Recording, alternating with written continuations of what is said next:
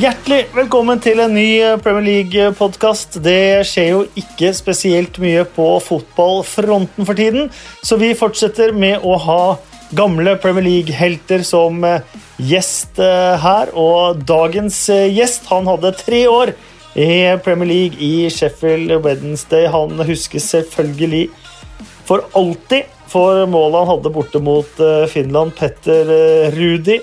En karriere med både oppturer og nedturer. Det endte i nedrykk eh, til slutt.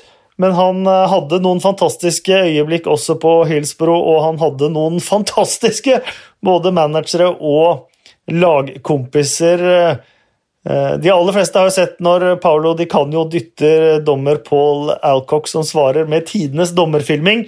Hvis du ser på bildene fra det, så ser du også hvem som står aller nærmest og har prøvd å holde igjen Paolo Di Canio, det er Petter Rudi. Han forteller selvsagt hvordan han opplever den situasjonen, og han tar imot spørsmål eh, fra Twitter og forteller om eh, sine tre år i eh, Premier League. Det er jo veldig hyggelig å ha deg med, Petter Rudi. Tusen takk. Det er, det er hyggelig å endelig å bli spurt om å få være med. Eh, hva gjør du nå i disse koronatider? Vi ser jo hverandre. Jeg ser at du ser mer strigga ut på håret enn meg. Ja, jeg er såpass heldig at jeg har fått, eh, fått eller blitt klippet av eh, samboeren, så jeg er mer heldig enn mange. Nei, altså per, I dag så jeg jobber jeg i Molde fotballklubb, men eh, siden korona og sånn, så har det ikke vært så mye å gjøre. Så for tida så er jeg permittert, faktisk. Ja. Eh, da Uh, må man jo få tida til å gå på andre måter. Og Det pleier jo å være å se på fotball, men det går jo ikke det heller. Ser du mye på sånne gamle ting og sånn, eller? Nei, jeg, skal, jeg, jeg, kan ikke skryte på meg at jeg har sett så mye på gamle fotballklipp eh, siste tida. Men eh, jeg har sett, sett litt eh, Eller noen kamper jeg har sett eh, siste måned. Ja, Vi får heller snakke om det som, uh, som, var. For du uh, spilte mange sesonger i uh, Molde, og så var du på utlån i et par klubber, bl.a. Perugia. og så, høsten 1997, så kom Sheffield Wednesday på, på banen. Ja, så i, sesongen 97 så spilte jeg i Molde. Eh, og ja, etter endt sesong, eh, det var vel i oktober den gangen, så eh, ja, meldte jeg overgang eller ble kjøpt eller hva du kan kalle det, av Sheffield sted. Så jeg kom liksom etter en, en 15 kamper inn i sesongen, 97-98-sesongen i Premier League. Men åssen eh, var det? Du var eh, hot property på den eh, tida. Du gjorde det meget bra for, for landslaget i kvaliken til VM 98 bl.a. Var, det, var det flere klubber på banen, eller var det bare Sheffield Wednesday? eller hvordan var det? Ja, altså, der, Hvis jeg husker riktig, så var det i hvert fall to andre om ikke, Det var ikke sånn topp topp Premier League-klubber, men det var i hvert fall to andre. Det var bl.a. Southampton og, og Bolton. Eh, I tillegg til Sheffield Wednesday, som var den mest aktuelle for meg den gangen. Var du over og titta og sånn, eller? Ja, det var jeg. Så jeg var både i Bolten og, og hadde folk som var i Southampton, også, i tillegg til Sheffield, selvfølgelig. Og Southampton var litt sånn norske, norske klubb. Hadde både Østenstad, Stig Johansen og Jo Tessem og, og sånn der. Du var ikke frista av det? Jo, det, jeg husker ikke akkurat hvorfor det ble eh, hva som gjorde at det ble Sheffield. Men det, det, akkurat da så føltes det som det riktige, men om, om det var det riktige, det er en annen, annen spørsmål. Men jeg sitter og føler litt på det nå, at det kunne blitt noe annet hvis du hadde f.eks. tatt Southampton?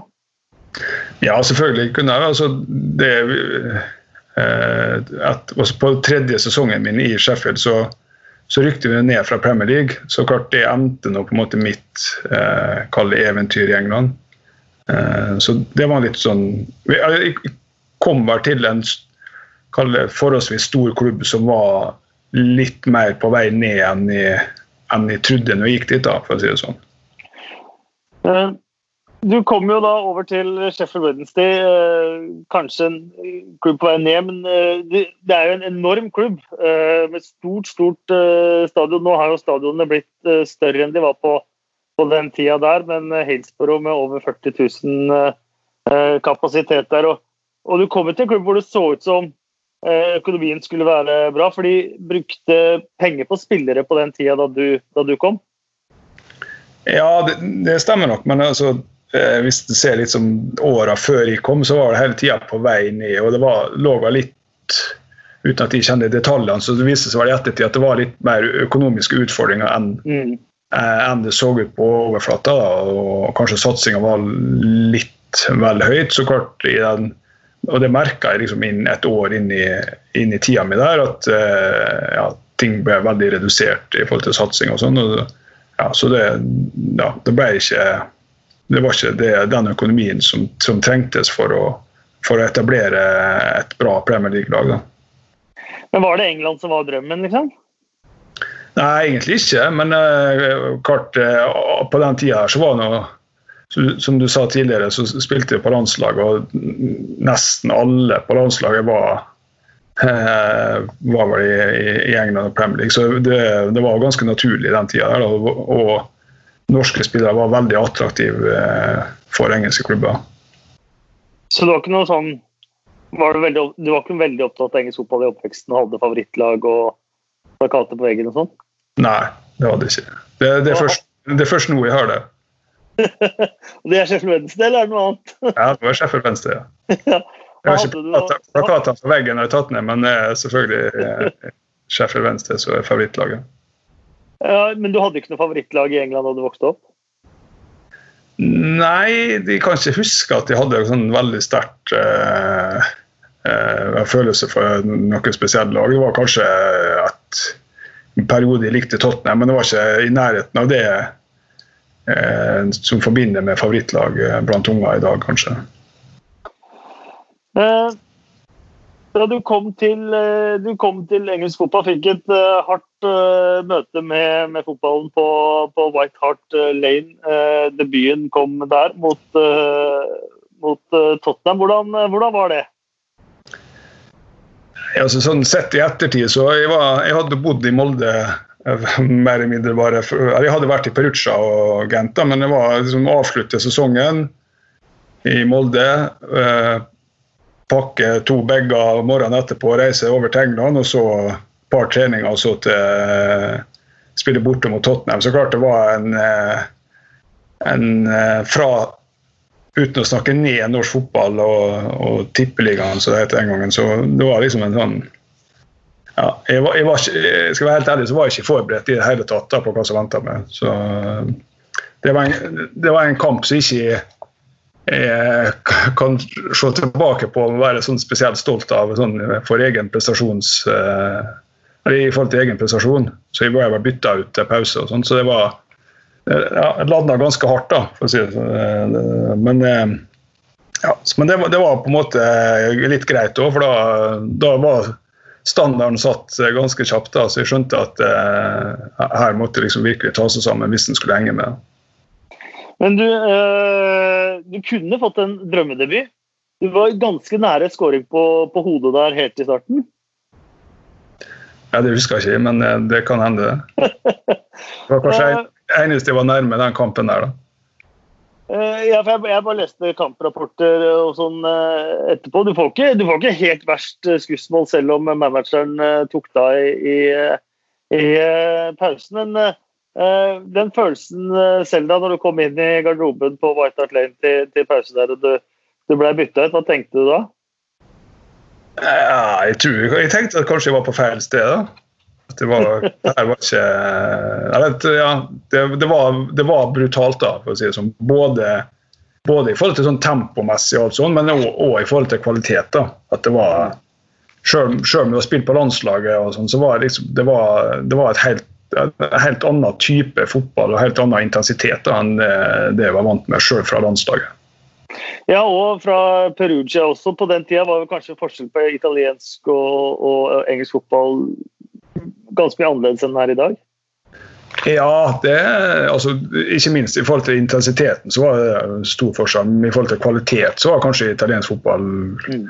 på høyde, men eh, sånn intensitet i kampen var helt annerledes. Der italiensk fotball var kanskje ikke så mye høyere intensitet enn i Norge, så var Premier League allerede den gangen var ekstremt høyt eh, nivå i forhold til intensiteten.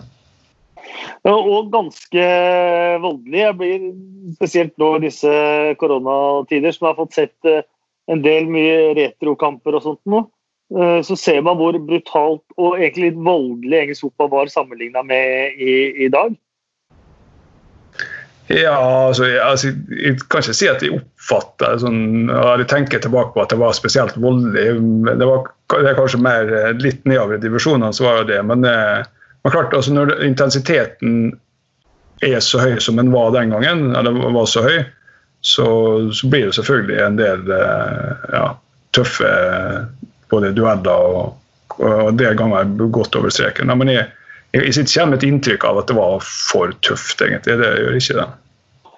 Eh, du kom jo da inn i en eh, garderobe med Paolo Di Canio bl.a., Des Walker, Eh, mange sterke personligheter. Vi hadde jo Jostein Flo i, i podkasten her for et par år siden. Han fortalte at han ble kasta av spillebussen halvveis på vei hjem fordi han hadde klagd på at noen drakk på, på spillebussen. Eh, hvordan var det å komme inn der, både i den garderoben og det miljøet, og, og inn på spillebussen? Ja, altså, uh, Sheffield Venstre en gang, så var det ganske Allerede den i 97 så var det farga av at det var en god del utenlandske spillere. Så var ikke den så sterk engelsk mentalitet som kanskje var i en del andre engelske klubber. Så det, Men det er klart det var det var litt det var annet annet enn var vant med fra Norge. Men jeg ble ikke kasta av bussen fra, fra, fra London etter første kampen. Det.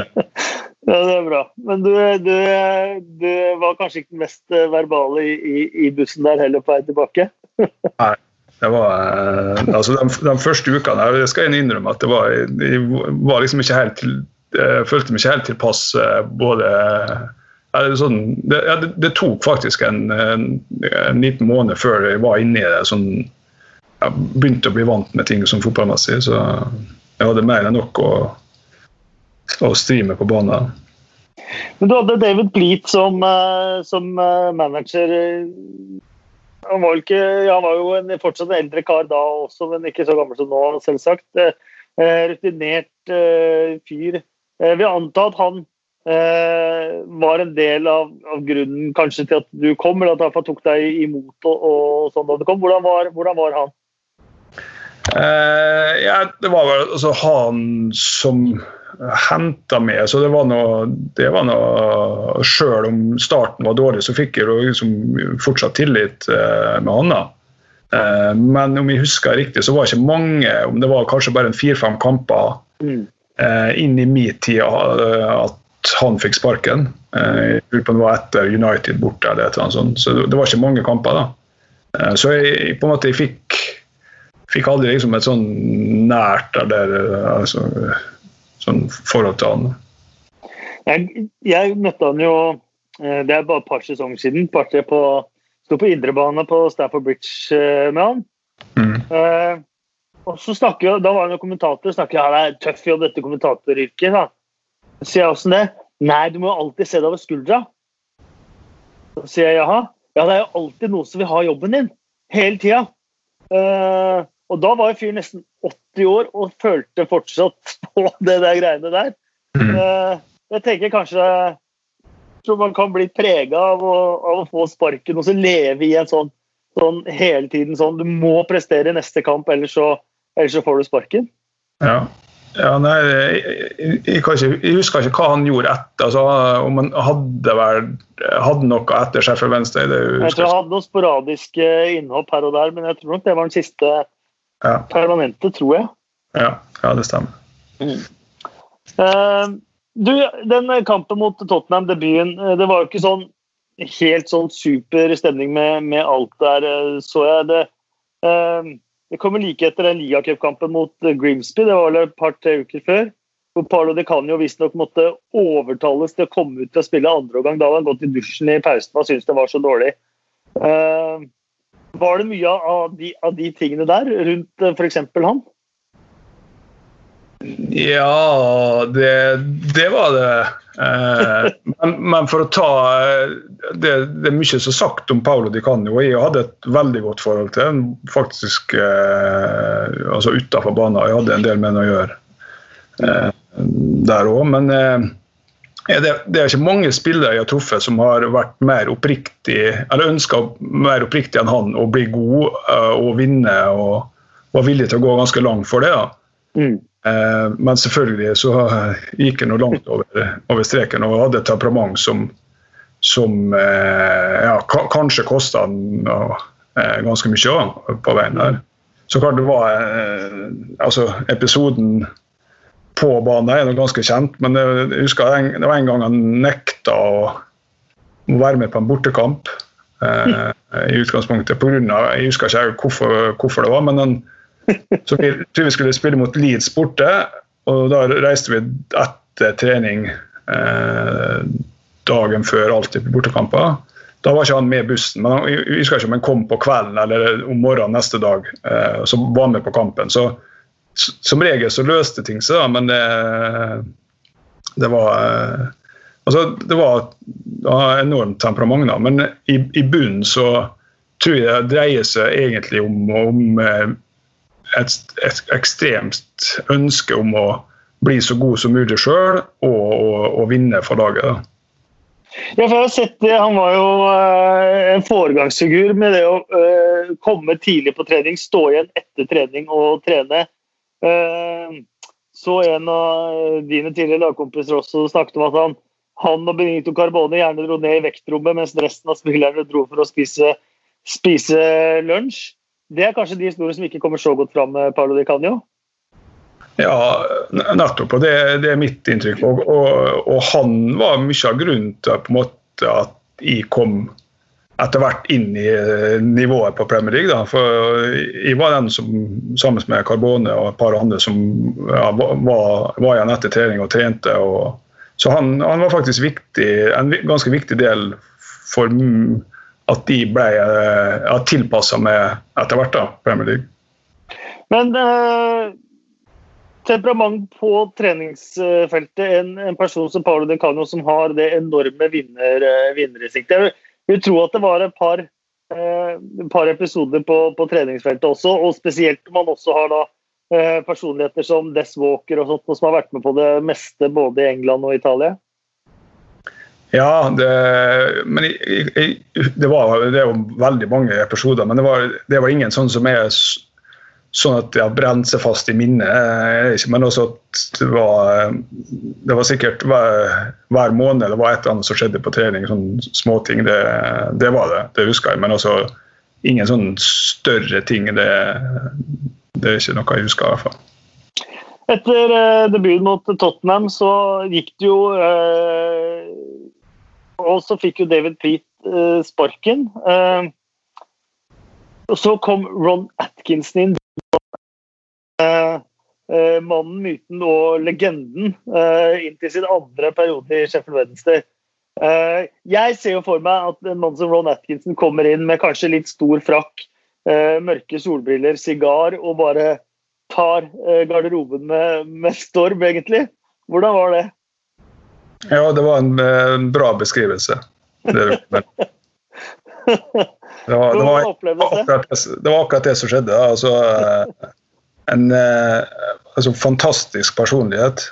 Eh, jeg vil si, i forhold til å være menn, altså Hvis du tenker på en, en sånn tradisjonell manager, så var han en, ja, en perfekt eksempel på det. da. Uh, som, som, trenger å ha med seg eh, folk som leder det daglige, liksom. Men liksom i forhold til å, å samle og få med seg folk uh, på sine tanker og, og, og lede, lede, kamper, lede et team, så var han uh, utrolig flink. da. Ja, Dere gikk jo på en veldig fin rekke med resultater der også tidlig. 5-0 mot Bolten, slo Arsenal, hadde vel en fire-fem seire på, på rad der. Føltes det som dere igjen kunne være med litt, litt da? Ja, og, og, og, det var kanskje når han kom at det snudde, virkelig snudde for min, min beste tid i, i Premier League var under han definitivt. da. Så ja, det var, det var sånn sett Når jeg tenkte gjennom det i ettertid, hva, eh, hva som kunne skjedd hvis han hadde fortsatt For det, det var da, han var nå bare til, til, den sommeren. da. Eh, mm -hmm. Så klart hadde han hadde, han, hadde han fått han til å fortsette, så tror jeg det hadde sett annerledes ut for Sheffield Venstre. Da tviler jeg faktisk på at det har blitt nedrykk eh, to år etterpå. Da. Han fikk jo ikke, fikk jo ikke fortsette der, men, eh, men, da du var inni eh, på en måte en god stim der og sånt noe, så jeg så dere hadde et Yorkshire-derby der i, i, januar som dere, dere, vant. Du fikk jo aldri eh, derbyene mot Sheffield eh, United, men eh, jeg vil anta at eh, Ellen Road, Yorkshire-derby mot Sheffield Wednesday på den tida der, må ha vært ganske stort. Ja, og jeg, og jeg, tror faktisk det er den kampen der som er der han Paolo Di Canio kom eh, enten mm. eller jeg tror eh, samme dag til, til Leeds. da. Eh, det var, det var et, jeg tror de hadde en, når jeg tenker om, så tror jeg var, det var en krangel med en Atkinson eh, dagen før på trening eller et eller annet sånt, så gjorde det uten at jeg skal si det 100 sikkert. Men klart, de to var utrolig sterke personligheter. men De hadde enormt respekt for hverandre, men de, de eh, blåste sammen en, bare de halvårene Atkinson var manager. Så tror jeg de røyk sammen en fire-fem ganger eh, i forbindelse med kamp og trening. Mm. Eh, men hvordan opplevdes derbyet på, på Ellen Road, da? Ja, hvis de husker rett, så vant vi den kampen. Så det, ja, stemmer det. gjorde det, ja. Uh, nei, så, ja, og, og, igjen eh, så mener jeg at vi, hadde, vi spilte veldig bra. Så det var liksom vår jeg var, jeg var, ikke så heldig at jeg fikk spille mot Sheffield United, men det var kanskje det nærmeste vi var det, altså det var den viktigste kampen for Sheffield Wednesday. Da. så ja, det var utrolig med folk fra Sheffield på den bortekampen, husker jeg. Så det var, det var sånn, ja, ganske sånn elektrisk stemning, stemning den kampen. Men selv om du ikke fikk spilt i Premier League mot Sheffield United, hadde du treningskamper mot dem? Nei. Nei. Det nærmeste jeg kom, var å besøke Jan Åge Fjørtoft. Han spilte vel på Sheffield United når han var 19 i, divisjon, i divisjonene. Mm. Jeg skulle just derfor fortalte at, uh, at de hadde møttes i en treningskamp uh, en gang, og han hadde blitt bua fordi han hadde bedt om å bli bytta ut fordi han var tom. og ikke helt i 100% kampform. For det, skulle liksom gi så mye i treningskampene også. Men hvordan merker man på den rivaliseringen i byen? Var det steder i Sheffield du ikke kunne gå, f.eks.? Uh, eh, nei, det var det ikke. Men uh, litt tilbake til uh, Fjørtoft. så Jeg husker at jeg hadde en kompis på besøk. og så, Jeg tror jeg var skada, og så spurte jeg han Fjørtoft. For da spilte Sheffield Vi hadde bortekamp, og så hadde Sheffield United hjemmekamp. Så han kompisen som var på besøk, han ville på kamp, da, så spurte han Fjørtoft om han hadde billetter til, til Sheffield United. Det var ikke noe problem. Han uh, sa du henta billettene uh, ja, i den og den luka. To billetter. Så vi var litt seint ute. Det kom sikkert starta for fem minutter siden kampen. Så det var litt sånn merkelig inngang. Altså, selvfølgelig en Fjørtoft gitt oss billetter blant verste Eh, så da var vi her i tre-fire minutter, og så hørte jeg det ble litt sånn summing eh, om et navn som hørtes veldig kjent ut, så var eh, mitt etternavn. Og det var en del stygge blikk, så vi var ikke her mer enn fem-seks minutter, og så reiste vi hjem igjen. Så det var, det var ja, litt sånn Jan Åge Fjørtoft-humor, da. Men du tok Du skal jo ha for det at du, du gikk for det allikevel, da?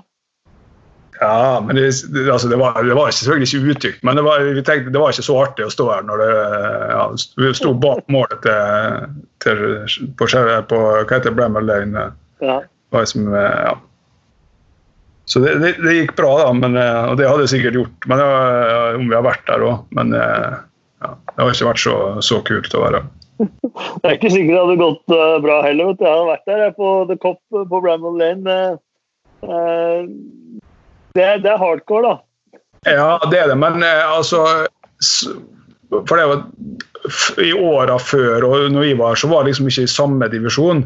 Eh, så det var liksom ikke den rivaliseringen. Men klart hadde det vært i samme divisjon, og sånn, så hadde det ikke vært eh, så populært, kanskje. Eh, dere, dere holdt dere den, den sesongen, og det, det, det, ble jo ikke så verst til slutt heller. Men Ron Atkinson fikk jo da ikke fortsette som du var, du var inne på. Men hvorfor ikke, tror du? Eller hvordan var liksom Hvis spillere og sånt ville, ville ha han, det hadde gått bedre etter David uh, Pleat? Uh, nei, det, det husker jeg ikke her, men det var vel at Jeg er litt usikker på om klubben, altså supporterne og spillerne og alt sånn, ønska at han skulle fortsette. og Det tror jeg, tror jeg han ønska sjøl. Og det har han i hvert fall sagt til meg når jeg har møtt ham i ettertid. at Han han syntes det var veldig dumt at ikke han fikk fortsette. Eller at han fortsatte. Men jeg vet ikke om klubben hadde litt så på han som en sånn ja, midlertidig løsning som kom inn eller når den kom inn, og at de ønska eh, noe som var ja, som, som de så på som mer langsiktig. da. Ja, for det er ganske stort hopp fra en så rutinert mann som Ron Atkinson til selvfølgelig en tidligere helt som eh, spiller, men veldig fersk i managergamet Danny Wilson som, som, kom inn. Ja, det, det, det var jo selv om han hadde vel vært i Bristol Barnsley, vel? Ja, Barnsley, hadde ikke vært manager i Bristol, en av Bristol-klubbene før Sheffield? Eller hva etter? Ja, nå spør du, spør du vanskelig, faktisk. ja, det, der må, det, der må, du vite. Ja, jeg burde egentlig det. Det er helt sant, ja. ja. jeg trykker på Google fort som, eh, så fort jeg bare kan her nå. Men uh, Nei, Bristol City var etterpå, ja. Mm, det var bare Barnsley før. Etterpå, ja, men ja, det er bra. Da kan du fortsette å ha podkasten. Uh, nei, for det, det, var jo, det, var jo, en manager som, som Ron Atkinson med da spille som uh, De jo, Carbone, Walker, Emerson Tome kommer etter hvert. Uh, sånne karakterer. og hanskes med de, og så kommer du som en relativt fersk, fersk manager da, som skal, skal, prøve å gjøre det samme, så kan det fort gå gærent. Ja. Eh, men eh, jo, altså, mitt forhold til Danny Wilson Han var utrolig flink med mennesker. han òg. Det, det, var ikke det, men altså, det var litt det, det, var egentlig en klubb litt på vei ned, og det var på en måte når han tok over, at det var han som fikk den smellen. Altså at, eh, ja, det, var, det var en, en, del ting i, i kulissene i klubben som, eh, eh som var veldig på vei ned. som kom til overflata den, den, sesongen han tok over.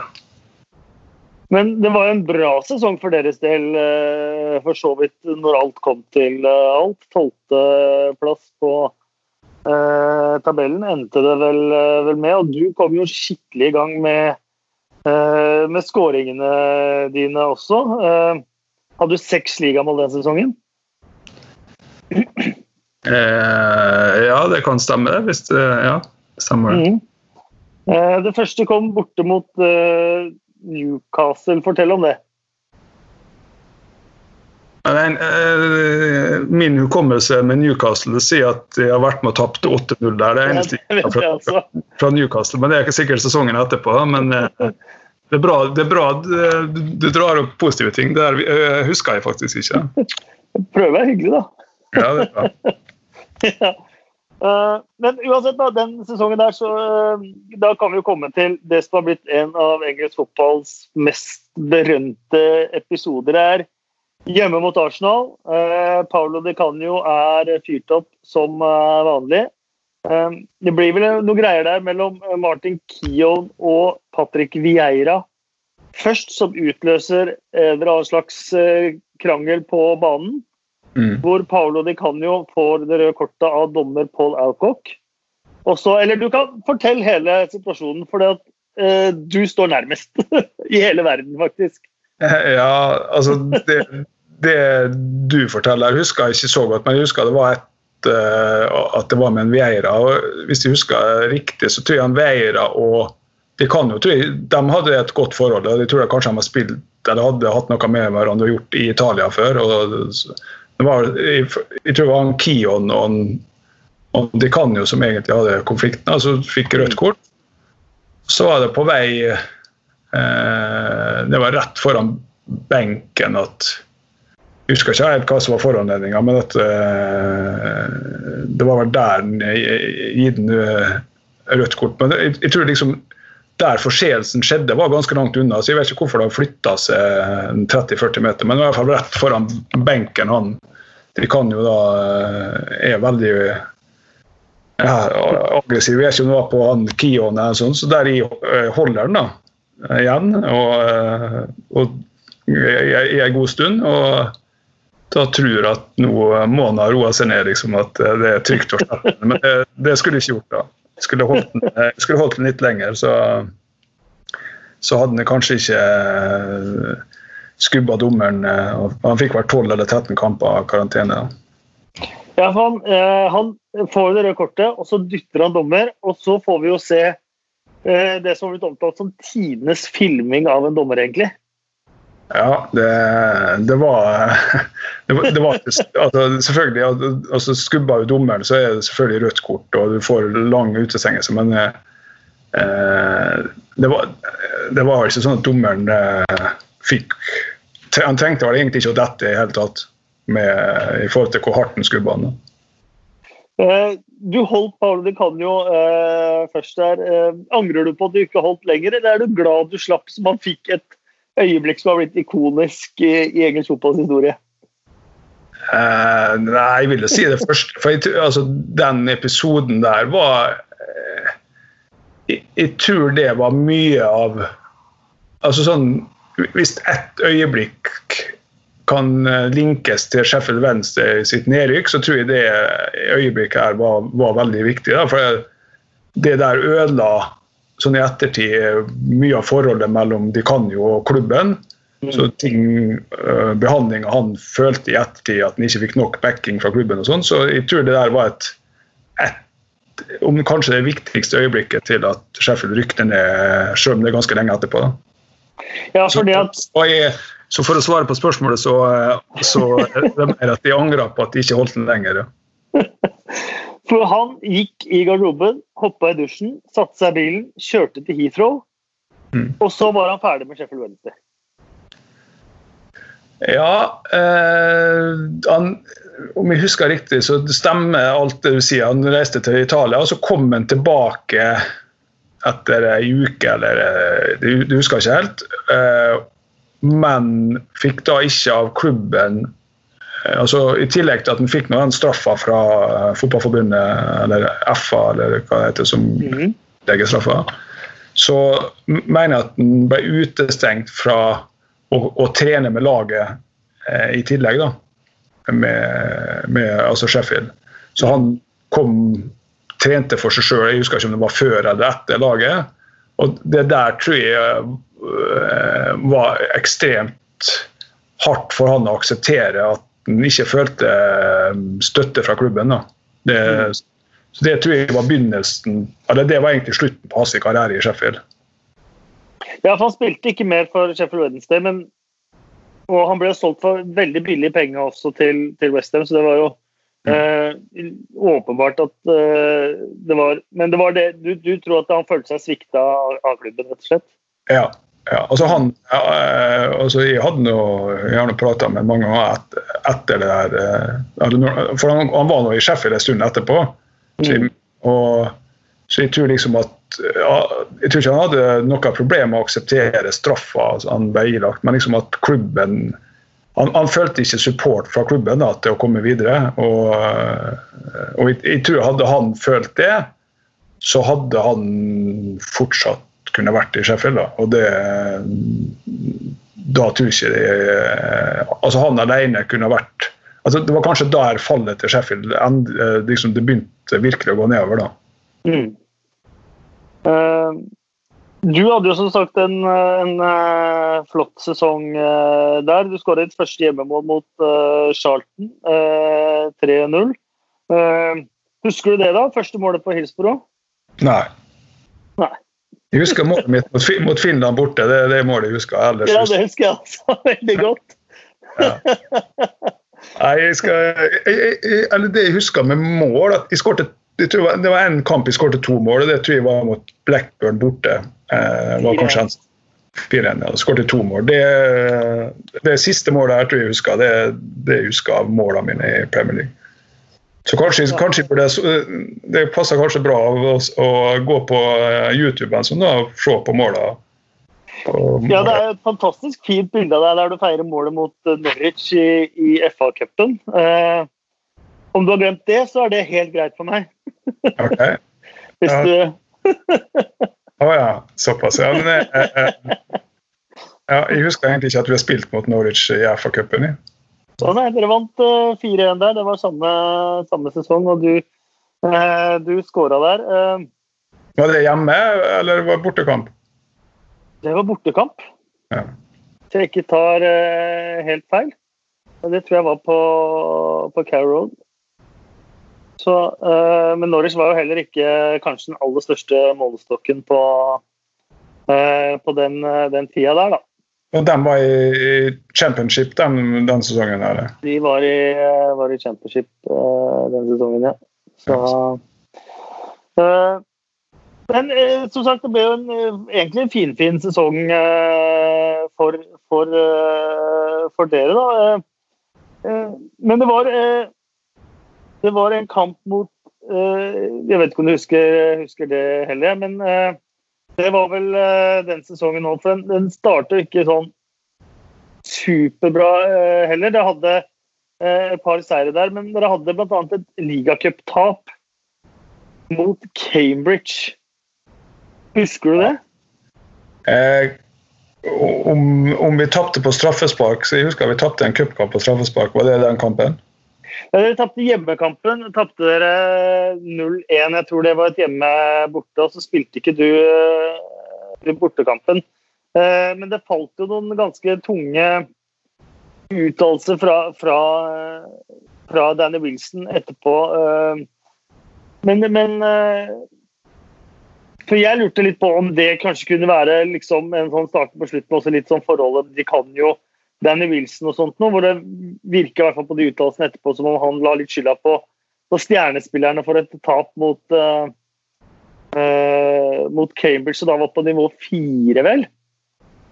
Ja, det, det, Når du sier det, så, så, stemmer nok det at det var uh, Jeg husker at det var en del konflikt rundt en, kamp, en, en cupkamp, ja. Mm. Der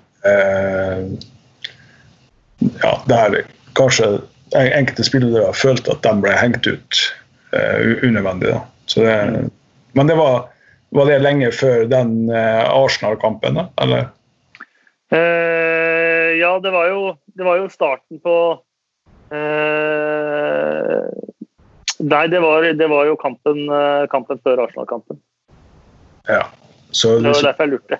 ja, det, var, ja, det var sikkert summen ja, Det, ble, det toppa seg sikkert skikkelig her da. Mm. Uh, sesongen uh, etter altså ble det den siste hele sesongen i, i Sheffield eh, Wednesday. Uh, den ble tung for din del. Du sleit med skade, og Sheffield Wednesday sleit med, med resultater. Ja. Og det, det var Det er sikkert min kanskje den tyngste sesongen jeg har vært med på i min karriere, i hvert fall i, i utlandet. Mm. Så jeg, jeg, husker jeg sleit ganske tidlig med akilles, eh, altså betennelse i akillesen den sesongen.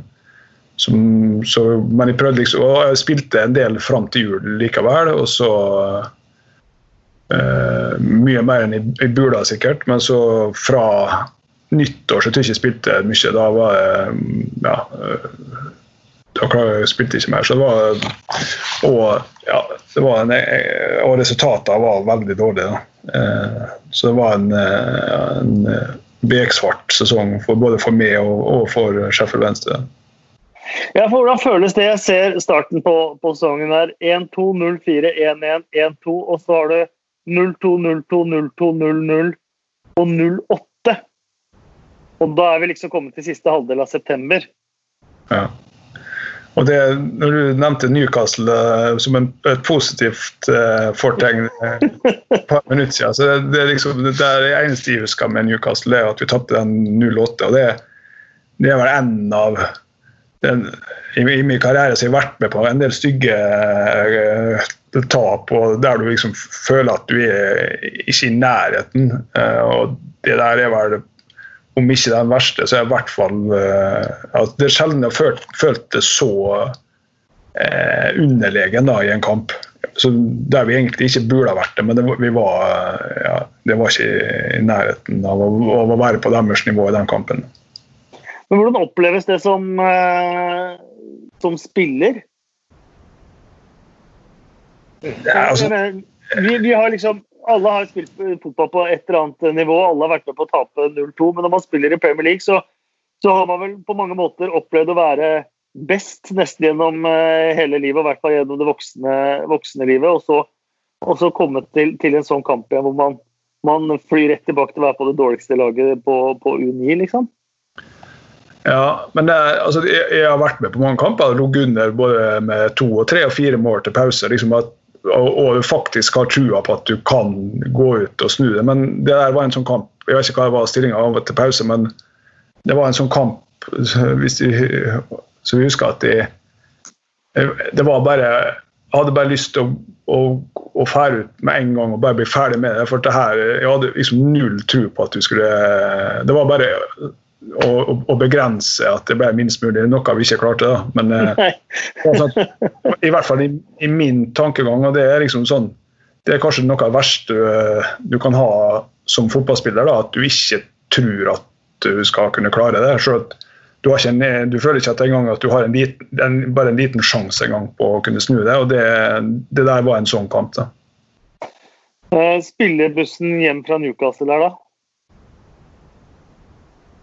Nei, jeg, husker ikke så mye av det. det altså, nei, jeg kan ikke si jeg husker. Det var ikke noe Men det var kanskje ja, det, det, det, er liksom summen her òg, som du sier, med resultater før. altså Hadde det vært bra resultat, og så, selv om det er tungt å tape 0-8, så Men der var liksom spikeren egentlig i kista på den eh, sesongen, selv om det var så tidlig. da, så var det der eh, Ja. ja, ja. ja eh, Drillo har en sånn teori om at lag som taper med fem mål eller mer, de vinner kampen etterpå. Eh, det gjorde jo det, dere. Dere hadde jo vant tre av de neste eh, fire kampene der. Jeg ser du skåra jo både mot Wimbledon og Nottingham Forest ganske påfølgende etter, etter 0-8. Var det på en måte sånn nå kan vi snu det, eller var det på en måte bare et sånn et sprell? Ja, det var mest et sprell, det. Hvis du ser på, på med fasiten i ettertid, så ja. Uh, nei, altså, Jeg husker ikke at vi vant den kampen. her. I, i, I, min hukommelse så er egentlig bare hele den sesongen der en svart strek. da. At, det er bra at du klarer å finne noe positivt i, resultat. Jeg trodde ikke det var det. Men, og du sier at de skårte i to av kampene? Ja da, hjemme mot Wimbledon og i Lia-cupen mot Nottingham Forest. Ja, ja det, da, da, hadde de en bedre sesong enn jeg trodde. Jeg trodde det var helt eh, svart. Nei, for Et siste mål også kom jo eh, borte mot Paolo Di Canio eh, sitt Westham. Eh, og det var en 4-3-kamp til Westham hvor dere vel leda 3-1 på Bowling Ground. Eh, ja. Husker du den kampen? Eh, ikke, jeg husker vel at vi spilte kampen, men jeg husker ikke noen detaljer fra den. Uh,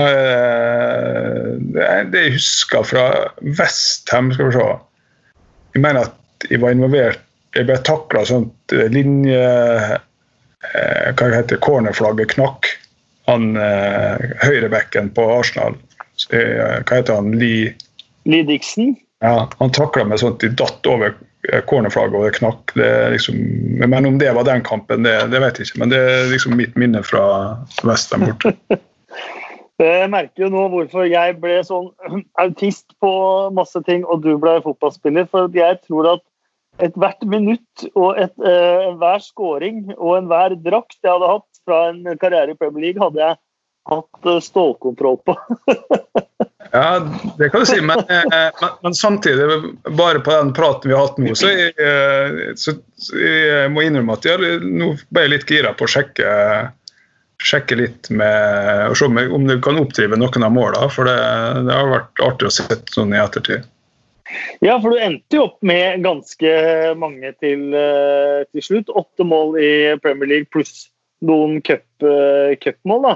Eh, men den sesongen der, du, du, jo, du måtte til slutt kaste inn håndkle med akillesen, managersparking igjen. En sommer hvor man skal forberede seg på å spille spille divisjon under. Eh, økonomiske problemer i, i klubben. Hvordan, hvordan opplevdes, opplevdes, det? Eh, altså, det som skjedde, var at de var rett etter sesongen, eller helt på slutten av sesongen så opererte jeg for akillesen i, i, Norge. Mm. Så, så, sommeren min var liksom bare å komme litt tilbake til det. Så når, når prisisen der i England starta, så var jeg liksom ikke Jeg var ganske langt unna å kunne spille og, og være fit til å spille kamper. Da. Uh, så jeg vet ikke om jeg var med på den første uh, seriekampen. Jeg var involvert i den. Ja, Du ble bytta inn mot Huddersfield der? Ja, så det, det, var liksom i Irak. Jeg var ikke med på hva særlig på preseason, men jeg kom ja, så de kunne være med litt første kampen. Og Det var, var det eneste kampen jeg hadde, for etter det så mm. tror jeg eh, ja, jeg gikk fra Sheffield. Eh, og da var på en måte Følte eventyret var, var over? Eh, ja, det, det, gjorde jeg faktisk. da. Det, men eh, sånn eh, sett i ettertid så er det, det, er liksom små Veldig små ting som kunne gjort ting veldig annerledes, eh, tenker jeg nå i ettertid. Som for eksempel? Ja, altså det med Eh, altså selvfølgelig, Nedrykket er jo den store tingen. Hadde ikke rykt ned, så hadde det jo fortsatt vært der. Eh, og ja, så Små episoder sånn som det med eh, I den formeninga at hadde ikke de kan jo Hadde han fortsatt, så tror jeg ikke vi hadde rykt ned. Da. Sånn. Mm. Uh, jeg har spurt på, på, på Twitter om, uh, om, folk ville komme med noen spørsmål eller uh, Eh, eller innspill og sånt noe. Alexander, han eh, Alexander i huset kaller han seg på Twitter. Han eh, skrev med en tweet hvor han tok bilde av et brev du hadde sendt til han. For meg så fremsto du som en av de tidenes mest sympatiske Premier League-spillere. Du starter til og med brevet med å beklage at svaret kommer så sent, men det har kommet inn i feil posthylle på, på Hillsborough der. Um, så han vil aller først bare takke for, eh, for brevet han uh, fikk. Um, og, og, der står det bl.a. at du, du, nevner at du henger mest med Patrick Blondø utenfor banen. Ja. Uh, han var ikke der så lenge, Patrick uh, Blondø, men hva slags fyr var han? Ja, det var en litt av en karakter. så han, jeg mener jeg husker han var fra Marseille, eller så, der han ja. Så ja, så han, han hadde jo hadde spilt uh, Så han kom vel til Sheffield for uh, ikke så lenge før meg, med, uh, for å høyreback for en veldig høy pris. da, med kanskje en 20-30 millioner norske kroner, som mm. var veldig høyt for en høyreback. Men han hadde, var ikke ulikt de kan jo, da, et ekstremt temperament og, og eh, hadde vel en del episoder, men fikk noe rødt kort og en del eh, sånn ja, eh, Det var utrolig uheldig altså Fikk aldri noe bra karriere. da, Han kom nesten ikke i gang før han var han var ferdig før han hadde begynt, nesten, i Sheffield. Eh, jeg husker ikke Eh, det, altså når jeg kom dit, så tror jeg han har vært der fra, fra sommeren, men allerede liksom, karrieren hans var allerede ødelagt i Sheffield når jeg kom dit. Eh, men jeg ser jo da og hører du, du prater om disse, disse, karakterene og temperamentene og, alt mulig. Det må ha vært eh, noen episoder som aldri nådde kameraene også, tenker jeg, i, i spillertunnel og sånn? Uh, ja. Det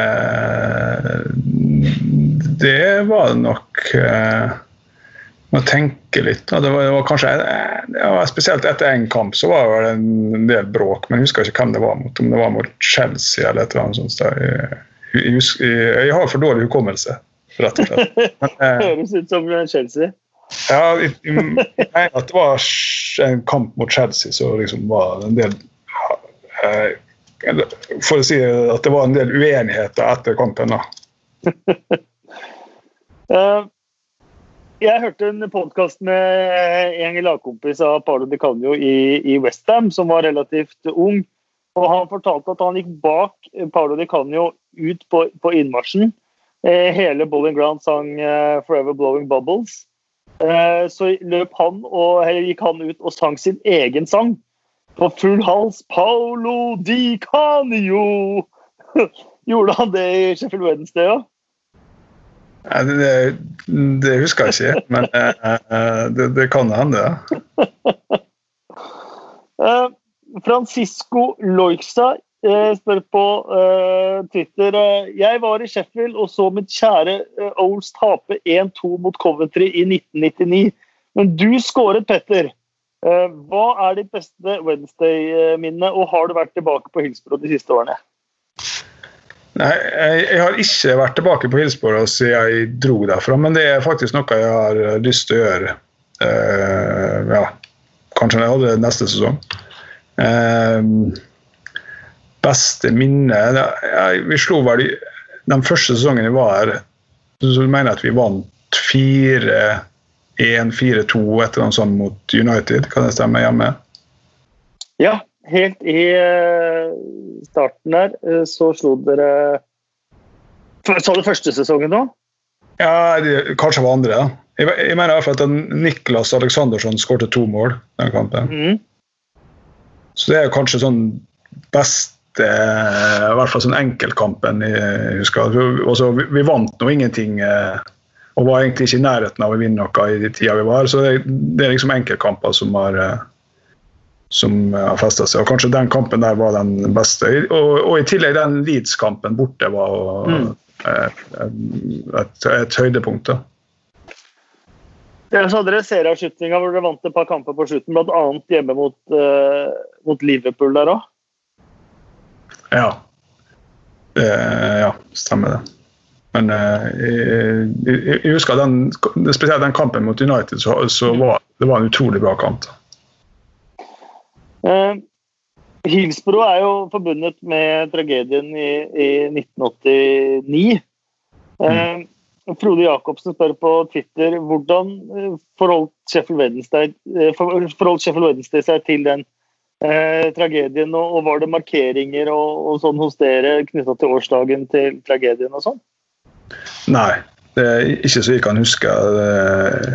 Jeg, det var egentlig ikke noe som Eh, ja, det, det, var ikke akkurat Det var veldig lite fokus på, på det der, og det, det, tror jeg var bevisst fra klubben. At, eh, så det, det, er kanskje ikke noe vi ønsker å bli for, forbundet for mye med. for klart Sheffield Venstre som klubb er nå ganske uskyldig oppi der, sånn som jeg har skjønt det, i hvert fall. Mm. Uh, stadion ser jo prikk lik ut den dag i dag som den gjorde i, i 1989, da? Ja, det, det tipper jeg. Ja. Jeg, bare, jeg så bilder fra for et par måneder siden, så det var, det var veldig likt, sånn som jeg husker det. Ja. jeg var der i FA Cup-semifinale i 1991, må vel det ha vært, tror jeg. Eller 92.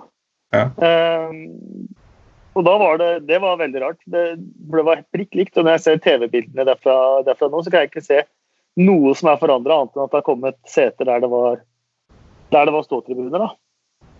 Ja. ja nei, det, det, det, høres kjent ut, ja. Eh, Jonas Spildrejordet lurer på eh, jeg, jeg, vil gjerne vite når han så Kevin Pressman på sitt aller mest utrente, og hvordan så det ut? det Det er jo Jeg vet ikke hvor mye du skal utlevere. Altså, han var en, var en fantastisk artig person, men han du har, litt, du har nevnt litt sånn bussturer, sånn, men han om jeg husker riktig, så tror jeg han hadde med seg en del godteposer på bortekamp når han satt på bussen både til og fra. Da. Så han, han hadde, ikke, hadde, ikke, beste kostholdet. da. Eh, og du hadde jo også, som Torkil Fosseide presiserer på, på Twitter, og det hadde jeg helt glemt, men dere hadde jo Bruce Grobelar innom der en kort periode. Eh, Var det din tid der også? Eller har han forsvunnet like fort som han kom før du kom? Nei, Bruce Grobelar hadde mye med å gjøre. Ja. Eh, for når jeg kom til Sheffield så første tre månedene tror jeg jeg bodde på hotell. Og Bruce Grobelar var og akkurat kommet, som, uh, som, var som tredjekeeper, og han bodde på samme hotell. Så, så det var uh, vi, ja, Jeg satte på han, med han til hver trening, og, uh, og i den perioden der så var det, kom det opp noe med. Jeg tror det var kampfiksing eller et eller annet. Så det var eh, Rundt hotellet så var det faktisk flere journalister undercover som prøvde å snoke med ting på han, som eh, ble oppdaga. Så det var eh, det var faktisk eh, det var, ja, det var, utrolig Og han var allerede da nesten sånn paranoid for at han var, var forfulgt. Eh, for det var, en, det var, en, veldig stor sak. Jeg, jeg, tror det var kampfiksing, kan det stemme? At han var det kan stemme, ja. anklaga for det akkurat rundt den tida der. Så det var Hotellet der var faktisk eh, ja, Som vi sa, at det var flere eh, Kall det sånn undercover fra en del engelske aviser som prøvde å å, å få informasjon. Eh, ja, hvordan, hvordan, var det, da? Eh, var det sånn Når vi satt og spiste frokost, og sånt, og så, var han, så satt man og skulte på nabobordet og sånn? Ja, det, det, var, det, var, han som fortalte meg det. At eh, liksom, se der han der er fra der, den avisa. Altså, og det gikk faktisk så langt. over en så, altså, Han begynte faktisk nesten å bli paranoid. da. For det, han, han, var eh, nesten forfulgt eh, av, av, journalister. Og, og, når vi liksom var ute og spiste. altså det var de, eh, For det, det, her, det her var sikkert tilbake Anklagene var kanskje tilbake til Liverpool, så det hadde liksom enorm interesse. da. Eh, var, det, var det for Liverpool-tida han var anklaga for eh, ja, det var, mye, det var mye greier, tror jeg. Ja. Men eh, det var i hvert fall ak akkurat på slutten av 1999, eh, eller året 1999, eh, mens vi bodde på det hotellet sammen. Så det, det, var, det var, faktisk mye som skjedde den, den måneden her. Uh, Le Krog spør, du har jo både spilt med Solskjær, jobbet under han i uh, Molde. Hvilke egenskaper av Solskjær som gjør at jeg så god manager, uh, trener, og kunne du se det potensialet da dere spilte sammen? Eh, altså potensialet i han som manager når vi spilte sammen?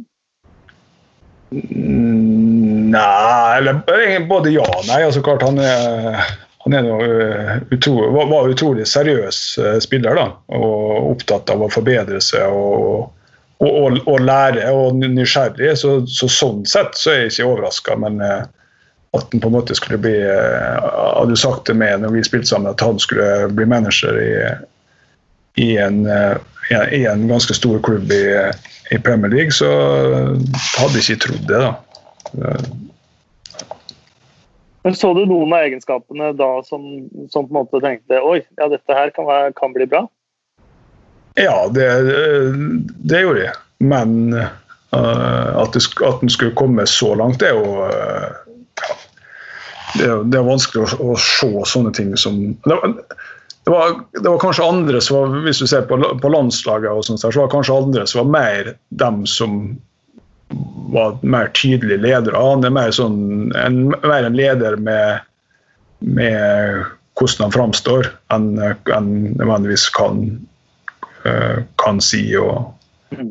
og han, han, trenger ikke ta så stor plass som andre for å få fram sitt budskap. Da.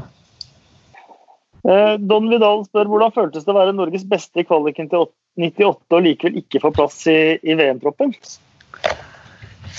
Ja, Det var en eh, stor nedtur for meg selvfølgelig ikke få være med i VM. Men eh, altså, grunnen var at jeg ble skada eh, i den siste, eller nest siste treningskampen før VM. Så, så det var egentlig grunnen. Så det var selvfølgelig bittert. og ja, Skaden var kanskje ikke verre enn at de kunne ha vært med og kanskje kunne spilt òg.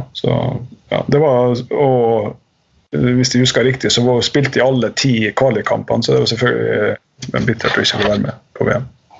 Klarer man å glede seg over en sånn seier mot Brasil da, eller tenker man bare faen, eller? Ja, selvfølgelig. Altså, det, de, altså, alle som spilte den kampen, var, hadde spilt sammen med på landslaget, så selvfølgelig klarer å glede seg over det. Eh, det er én historie som har dukket opp flere ganger på eh, Twitter her. Eh, Sindre Myklebostad var det som spurte uh, først. Historien om da Sheffield Wednesday visstnok ga bud på Daniel Berg Hestad. Det var vel Spiker da, som var kompis av deg, som hadde vært i Sheffield og besøkt deg og tatt med seg noe brevpapir fra Sheffield Wednesday hjem, eller hvordan var den historien? For det kom jo da et fiktivt bud på Daniel Berg Hestad fra Sheffield Wednesday eh, et par år etter at du hadde forlatt eh, klubben der? Nei, det, det budet kom mens jeg var i, i Sheffield. Han, oh, ja. Han, kom, han er nå fortsatt kompis av både meg og Daniel Berg Hestad. så, og en fantastisk fyr det, på alle måter. Men det budet kom mm, Han var på besøk med meg i Sheffield. Ja. Og sendte det budet mens han var på besøk med meg i Sheffield. Så når det budet kom, så var han fortsatt i Sheffield. Så, så, det var mye mer intenst enn det du forklarte. Det var, oh, ja. For meg fortelle historien, da, for, at, eh, for meg så ringte bare en veldig veldig vag bjelle. Eh, så jeg måtte prøve å finne litt uh, ut av det. Men det er ikke så mye som står om det. Nei, det var noe at uh, han sendte et uh, så du sier, et fiktivt bud som var veldig lukrativt for Molde da, på Daniel Bergestad. Og uh, som av, av, en eller annen grunn så ikke ble sjekka opp eh, om det var reelt da, før det, før det, kom til pressen. Det var det som var litt eh, problemet her. da.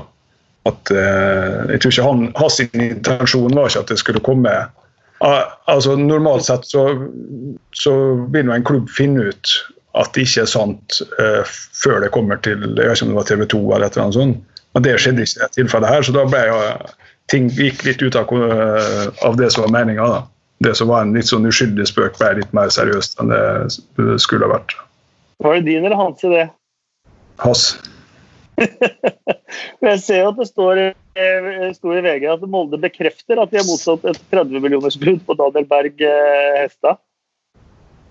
Ja.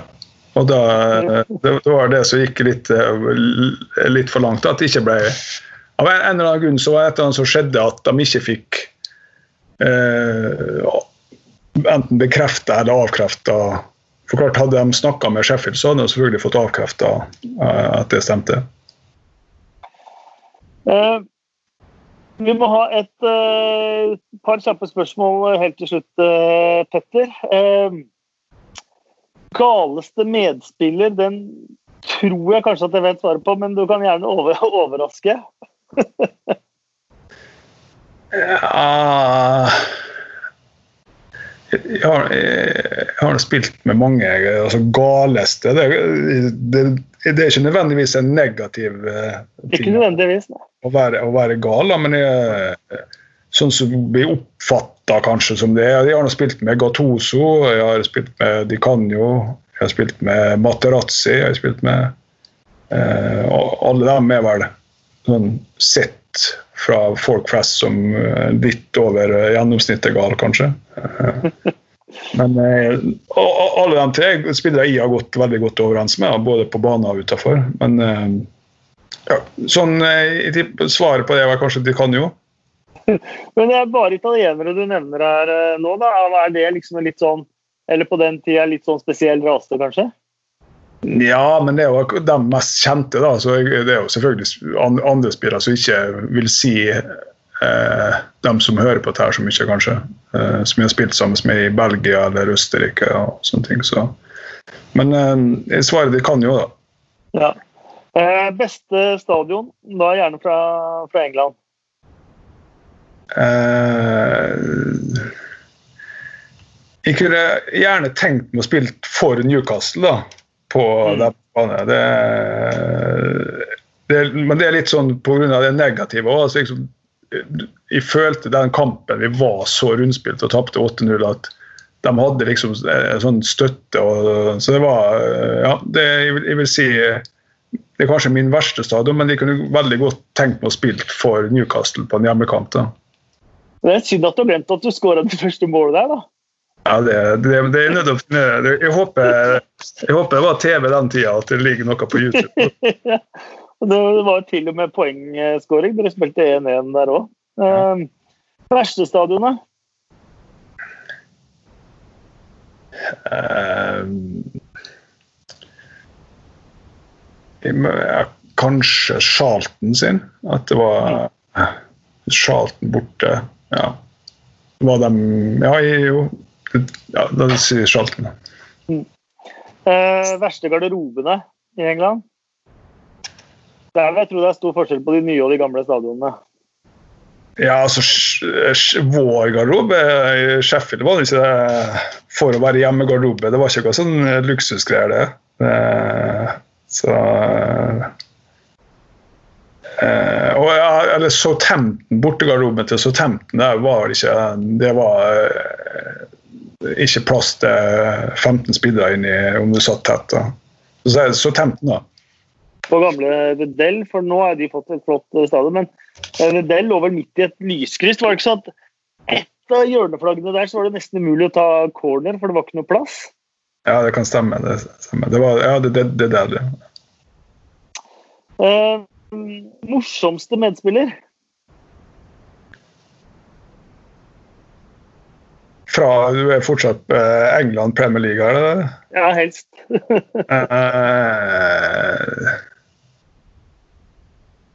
uh, Dess Walker, da.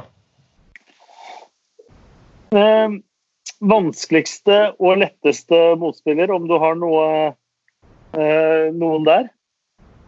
Vanskeligste vil jeg si Patrick Vieira.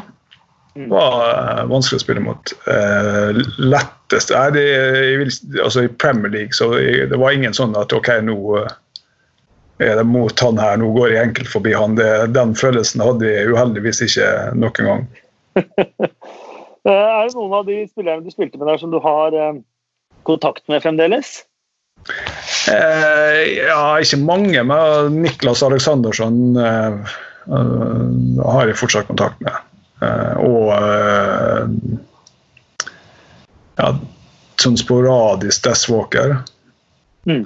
Ja, og et par andre, men de er sånn, det er ikke blant de kjente. da. Men Death Walker bare to ord om uh, han, for han er litt nysgjerrig på. For jeg elska Death Walker som uh, spiller, kanskje spesielt i Nottingham Forrest. Og han var jo også uh, Det var jo vanligere for engelske spillere på den tida å dra ut og sånn. Han var jo Sampdoria sånn også, han var jo litt på, på slutten av karrieren da han var i Sheffield Wednesday, men fortsatt en fantastisk stopper. Hvordan var han? Ja, han var nå eh, et utrolig spesiell fyr. da. Han hadde, han hadde spilt med Brian Clough, eller under Brian Clough, og det var bra. Og alt annet var ikke så bra. Så alt ble målt mot Brian Clough. da. Så var, Jeg kunne ikke tenkt meg å være manager for han, for han er en utrolig sterk personlighet. og det var bare én som var bra nok som manager, og du, du, alle ble målt mot han. da. Uh, og han hadde temperament på, på treningsfeltet sånn òg?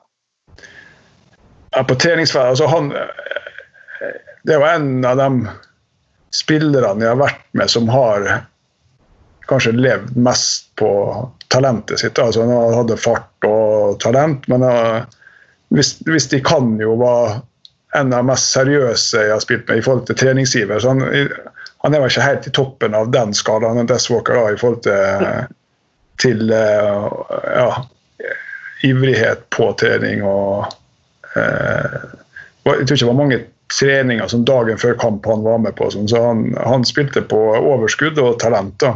Men er også en av de mest talentfulle spillerne jeg har spilt med. absolutt. Så har du en sønn som gjør det bra nå. Eh, lynhurtig angrepsspiller, faktisk. Tyler eh, Walker. Det har du kanskje ikke sett? Nei, jeg visste ikke. Men eh, hvilken klubb han spiller for? Altså, det er Nottingham Forest. Han har vært utlånt, utlånt i Lincoln. Okay. Han skåra ganske mye, mye mål, eh, mål, der, så vi får se hvordan det går med, med han. Ja. Uh, det har vært fantastisk å ha deg med, Petter. Ja, takk for at jeg fikk lov, eh, skal vi si endelig, å få lov å være med. og så får du melde inn når du har vært på Hillsboro og, sett. Jeg, er, er, det sånn at for tidligere spillere så er det bare å ta en telefon, og så er det full VIP-bevertning, eller hvordan er det?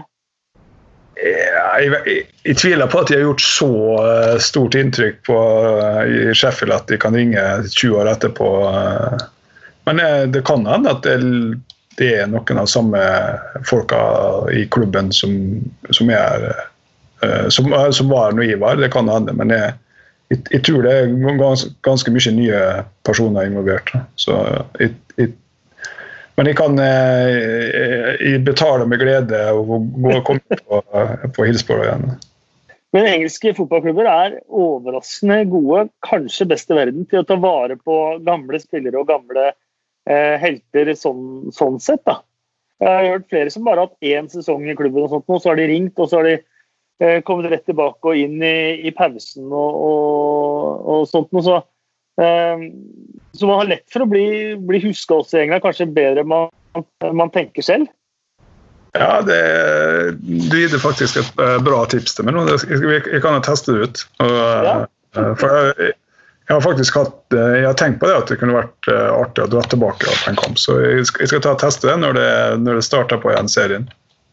Du gjør det. Jeg er helt sikker på at du blir tatt imot som, som helt, Petter. Det var utrolig hyggelig å ha deg med.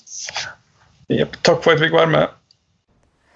Og tusen takk til eh, deg som uh, hørte på. Om uh, du likte episoden, så gå gjerne inn på iTunes. Legg inn stjerner og noen kommentarer der. Vi er på Twitter 2plpod om du skulle ha noen innspill eller annet.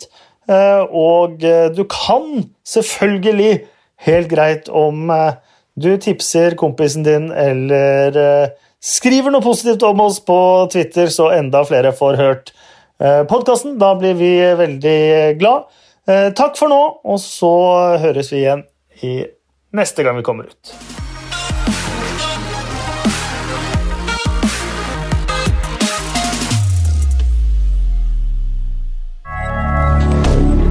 Moderne media.